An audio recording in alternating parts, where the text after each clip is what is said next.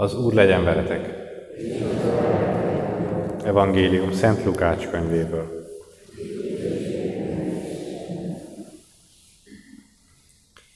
Egyik beszéde alkalmával meghívta Jézust egy farizeus, hogy étkezzék nála. Ő el is ment és asztalhoz terepedett.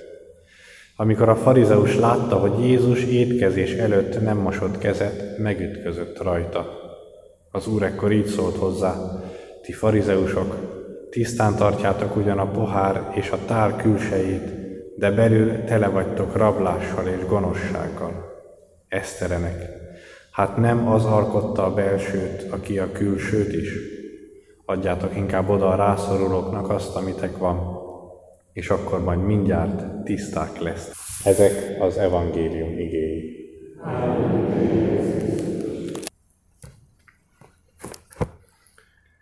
Elképzelem ezt a jelenetet.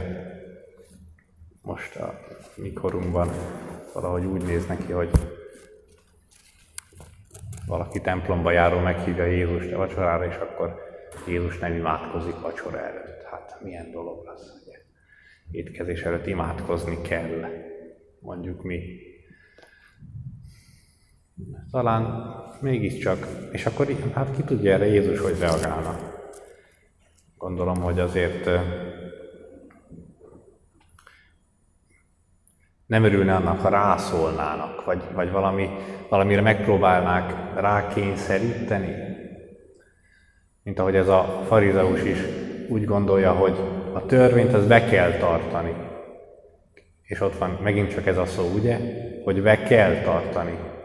Mint ahogy étkezés előtt imádkozni kell. Márpedig, hogyha arra a szabadságra vagyunk meghívva, amiről Szent Pál beszél.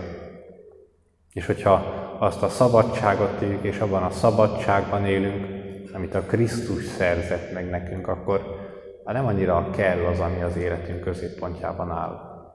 Akkor nem annyira a kell az, ami a fő igéje annak, ahogy gondolkodunk, ahogy cselekszünk, hanem sokkal inkább talán a vágyaink, hogy mit szeretnénk, ha szeretnénk imádkozni étkezés előtt, az nagyon rendben van.